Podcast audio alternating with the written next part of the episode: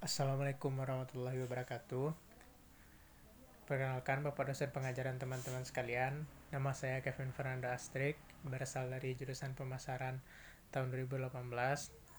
Baiklah, pada kesempatan kali ini izinkanlah saya mempresentasikan yaitu hasil tugas mata kuliah pemasaran retail dengan materi mengelola proses perencanaan merchandise. Nah, sebelum masuk kepada materi, saya ingin sedikit menjelaskan terlebih dahulu profil, profil dari bisnis retail yang saya pilih. Bisnis retail yang saya pilih di sini yaitu bisnis retail di bidang fashion, yang mana tokonya bernama toko eksklusif yang berlokasi di Tamrin Jakarta Pusat. Nah, di mana toko eksklusif sendiri menyediakan uh, berbagai produk fashion baik itu untuk laki-laki maupun perempuan dari umur remaja ke orang dewasa. Nah, selanjutnya kita masuk ke materi. Yang pertama itu ada manajemen merchandise. Manajemen merchandise sendiri adalah proses di mana peritel untuk menawarkan barang dagangan dengan jumlah yang tepat pada waktu dan tempat yang tepat pula kepada pelanggannya untuk memenuhi tujuan keuangan dari perusahaan kegiatan dari manajemen merchandise sendiri yang pertama itu menganalisis tren pasar yang kedua menganalisis data penjualan yang ketiga membuat penyesuaian yang diperlukan terkait dengan merchandise. Nah untuk kegiatan dari manajemen merchandise yang telah dijelaskan tadi ya sebenarnya sudah dilakukan oleh toko eksklusif. Mulai dari menganalisis tren pasar yaitu melihat seperti apa tren atau mode fashion pada saat sekarang ini. Sehingga tentunya produk mereka uh, dapat laku di pasaran. Yang kedua menganalisis data penjualan. Tentu toko eksklusif melakukan analisis data penjualan produk yang seperti apa yang sangat laku di pasaran. Tentunya hal itu sangat diperhatikan dan produk apa yang kurang uh, laku ataupun kurang diminati oleh pelanggan sehingga tentunya hal-hal tersebut bisa menjadi bahan evaluasi untuk ke depannya bagi toko eksklusif. Yang ketiga membuat penyesuaian yang diperlukan terkait dengan merchandise ya inilah berhubungan langsung dengan produk tentunya uh, bagaimana uh, produk tersebut dapat disesuaikan uh, sesuai dengan selera konsumen. Nah, nah selanjutnya itu ada organisasi pembelian retail. Kalau untuk toko eksklusif sendiri, uh, organisasi pembelian retailnya di sini bisa dikatakan uh, bercabang atau terbagi dua. Karena apa? Karena toko eksklusif ini dia menciptakan produknya sendiri jadi toko eksklusif uh, mendesain produknya sendiri dan juga memproduksi produknya sendiri, tapi tentunya dengan but, uh, butuh bantuan dari vendor sebagai penyedia bahan baku dari uh, produk yang akan diproduksi oleh toko eksklusif sendiri. Dan juga yang satu lagi yaitu bisa konsumen melakukan pemesanan terhadap toko eksklusif. Nah, di mana mereka bisa memberikan desain dan juga jenis baju seperti apa yang mereka inginkan. Nanti toko eksklusif akan memproduksi khusus produk tersebut. Tapi biasanya hal ini memiliki persyaratan dalam artian pembelian harus dalam uh, jumlah yang cukup banyak sehingga dapat diproduksi nantinya oleh toko eksklusif. Nah, dari kedua uh, pem, uh, proses pembelian tersebut ya untuk yang pertama jelas ya kembali lagi ke toko eksklusifnya sendiri yaitu mereka mendesain produk dan menciptakan produk. Yang pertama mereka mendesain. Setelah mendesain mereka melakukan pembelian bahan baku kepada vendor. Nah nantinya pihak vendor akan bekerja sama dengan toko eksklusif. Uh, vendor akan menyediakan bahan baku seperti apa yang dibutuhkan yaitu benang ataupun kain dan juga tentunya uh, komponen yang ada di baju seperti kancing baju uh, hiasan baju dan yang lainnya. Nah, nanti setelah vendor uh, dapat menyediakan yang dibut apa saja yang dibutuhkan oleh toko eksklusif, vendor akan memberikan uh, atau mengirimkan uh, bahan baku tadi kepada toko eksklusif. Biasanya akan diterima oleh uh, langsung ke gudang dari toko eksklusif sendiri. Nah, di sana nanti mulai proses pengerjaan. Nah, tidak terlalu beda dengan uh, yang dilakukan apabila pembelian dipesan terlebih dahulu oleh konsumen ya yang pertama proses pemesanan dilakukan oleh konsumen konsumen memberikan desainnya kepada uh, kepada toko eksklusif dan bahan seperti apa yang mereka inginkan nah lalu toko eksklusif akan uh, melakukan pemesanan lagi kepada si vendor nah vendor lalu mengirimkan bahan bakunya kepada uh, pihak gudang dari toko eksklusif sendiri nah lalu nanti pihak gudang akan memproduksi produk tersebut Nah, yang membedakannya di antara kedua itu mungkin kalau lebih uh, pada proses pembelian ketika konsumen memesan ulang ataupun memesan produk yang mereka inginkan sedikit lebih panjang prosesnya. Nah, kalau untuk proses perencanaan merchandise sendiri tentunya ya pihak dari toko eksklusif menyediakan ataupun melakukan uh, perancangan terhadap produk yang akan mereka buat. Atau bisa jadi perancangan tersebut dari konsumen yang memesan dalam jumlah banyak. Lalu uh, selanjutnya yaitu setelah lakukan perencanaan lalu pihak dari uh, toko eksklusif membeli bahan bakunya kepada vendor sebagai penyedia bahan baku untuk produk dari toko eksklusif. Lalu bahan baku tersebut dikirimkan lagi ke toko eksklusif. Lalu selanjutnya dilakukanlah uh, proses produksi. Selanjutnya itu melakukan forecasting. Forecasting sendiri ada beberapa tahapan. Yang pertama itu memahami siklus hidup produk. Ya biasanya untuk produk fashion sendiri tentunya toko eksklusif uh, siklus hidup dari produknya bisa bertahan lama karena dia bukan uh, benda yang dapat kadaluarsa nah yang kedua itu mengumpulkan data dan penjualan produk dan perbandingan produk nah Tentunya toko eksklusif mengumpulkan data-data penjualan yang telah mereka lakukan dan juga membandingkan produk apa yang paling laku terjual dan produk mana yang bisa dikatakan tidak ter, uh, tidak terlalu laku di pasaran. Yang ketiga menggunakan teknik statistik untuk memproyeksikan penjualan. Nah biasanya ini, ini um, teknik statistik ini juga dipakai oleh toko eksklusif yaitu untuk uh, memproyeksikan penjualan. Nah dalam hal ini biasanya mereka menggunakan data uh, yang ada sebelumnya. Yang keempat itu bekerja sama dengan vendor atau manufaktur untuk koordinasi produksi dan pengiriman barang dagangan. Nah, di sini uh, untuk uh, bekerja sama dengan vendor atau manufaktur ya jelas sudah dilakukan karena uh, toko eksklusif sangat membutuhkan uh, jasa dari vendor sebagai penyedia bahan baku untuk baju yang akan mereka produksi sendiri nantinya. Nah, selanjutnya yaitu ada perencanaan assortment produk. Variasi adalah jumlah kategori merchandise yang berbeda dalam sebuah toko atau departemen. Assortment produk adalah jumlah SKU dalam kategori. Ketersediaan produk atau produk availability adalah berapa banyak produk yang tersedia untuk pembelian pada waktu tertentu.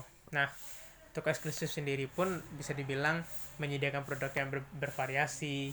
Uh, tentunya uh, karena target pasar mereka dari remaja sampai dewasa tentunya produk yang tersedia yang mereka produksi tentu berbeda-beda dan bervariasi dan untuk ketersediaan produk sendiri uh, mereka bisa dikatakan uh, menyediakan produk berlebih pada waktu tertentu. Contohnya pad, uh, misalkan uh, pada waktu akan mau lebaran dan pada mau uh, waktu tahun baru biasanya peningkatan pembelian pada dua waktu tersebut sangat tinggi. Nah di waktu-waktu tersebut biasanya pihak dari toko eksklusif akan meningkatkan uh, ketersediaan produk yang mereka punya. Sehingga nantinya uh, konsumen tidak akan kekurangan produk atau kehabisan produk. Nah, selanjutnya yaitu menentukan variety dan assortment. Yang pertama, profitabilitas merchandise mix. Yang kedua, filosofi perusahaan menuju assortment. Yang ketiga, karakteristik fisik store. Yang keempat, merchandise pelengkap.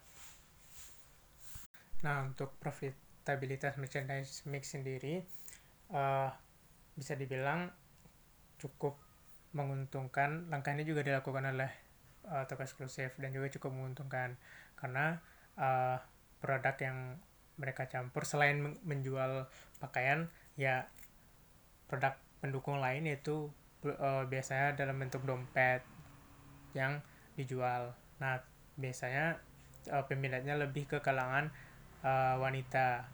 Nah, yang kedua yaitu filosofi perusahaan menuju assortment.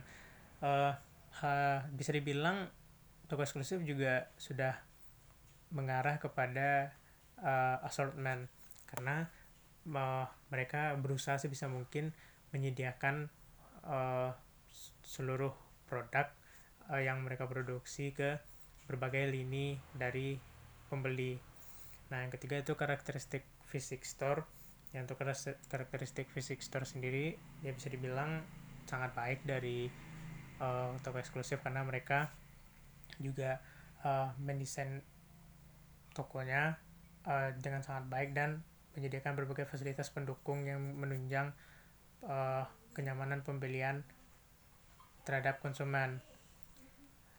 Nah, ada juga merchandise pelengkap ya seperti saya bilang tadi merchandise pelengkap seperti dompet yang dijual oleh pihak dari toko eksklusif nah selanjutnya itu ada manajemen inventory yang mana uh, bahan atau barang yang disimpan dan akan digunakan untuk memenuhi tujuan tertentu seperti yang sudah saya jelaskan tadi juga biasanya uh, barang yang disimpan pada tujuan waktu tertentu ini ketika waktu-waktu yang bisa dibilang uh, tingkat pembelian sangat uh, melonjak ataupun meningkat tajam. Seperti pada uh, ketika mau lebaran dan ketika mau tahun baru. Biasanya pada dua waktu ini toko eksklusif melakukan penyimpanan produk uh, dengan jumlah yang lebih dari biasanya.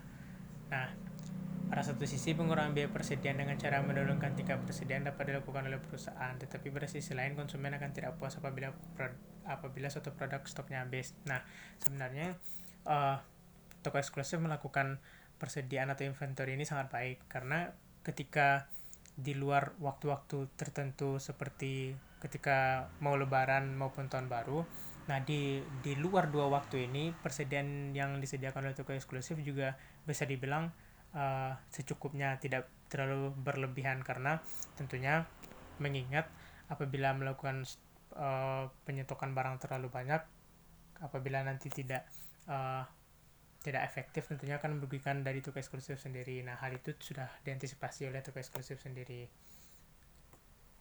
Nah, selanjutnya itu untuk mengendalikan inventory. Nah, yang pertama itu ada analisis ABC yang merupakan penerapan persediaan dengan menggunakan prinsip Pareto, yaitu membagi persediaan ke dalam tiga kelompok berdasarkan nilai volume tahunan dan jumlah uang yang tinggi. Yang pertama kelompok A, persediaan yang jumlah nilai uang per tahunnya tinggi, tetapi biasanya volumenya kecil. Yang kedua, kelompok B, persediaan yang jumlah uang per tahunnya sedang, tapi biasanya volumenya sedang. Yang ketiga, persediaan yang jumlah nilai uangnya per tahunnya rendah, tapi biasanya volumenya besar.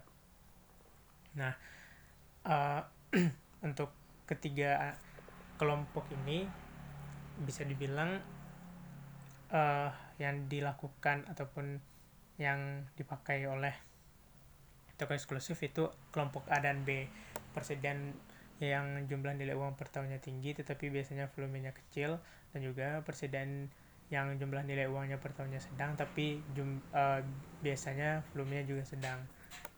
Nah, Selanjutnya itu pencatatan yang akurat.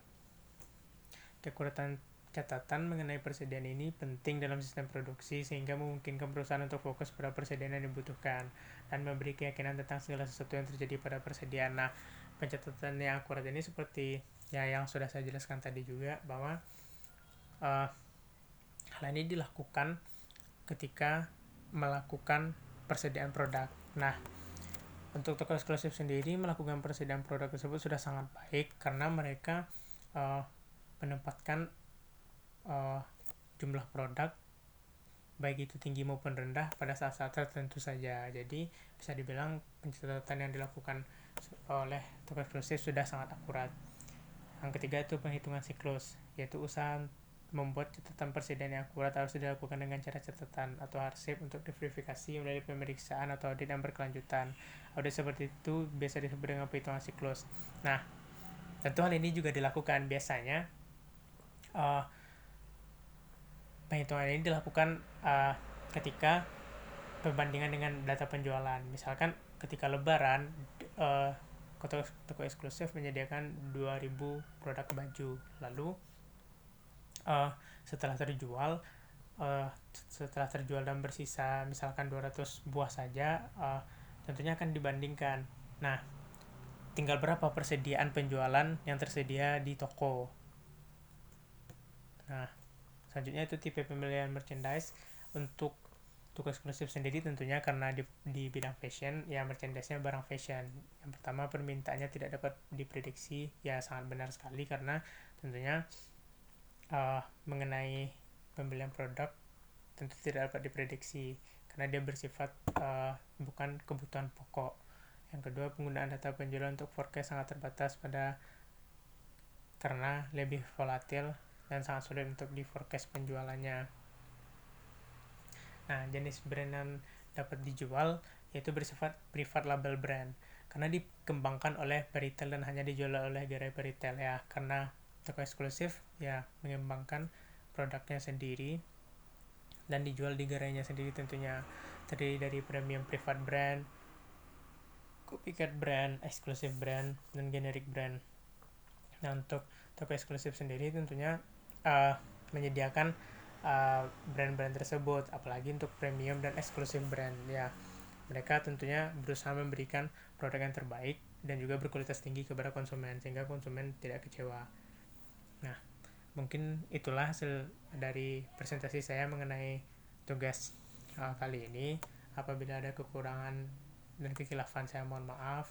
Saya akhiri. Assalamualaikum warahmatullahi wabarakatuh